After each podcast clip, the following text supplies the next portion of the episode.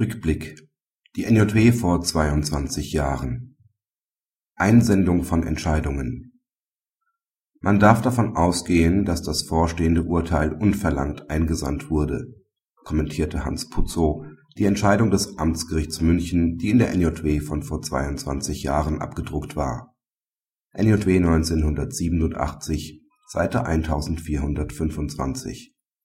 Darin hatte sich ein Richter im Sarkasmus versucht bei der Würdigung der Zeugenaussage eines unfallbeteiligten Fahrers sprach er davon, dass im Gerichtsgebäude der Pacellistraße 2 wohl noch kein Wunder geschehen sei. Solche gebe es in der Regel nur in Lourdes. In Justiz und Anwaltskreisen sei es jedenfalls nicht bekannt, dass ein Autofahrer jemals eigenes Fehlverhalten zugestanden habe. Putzow hatte recht mit seiner Vermutung.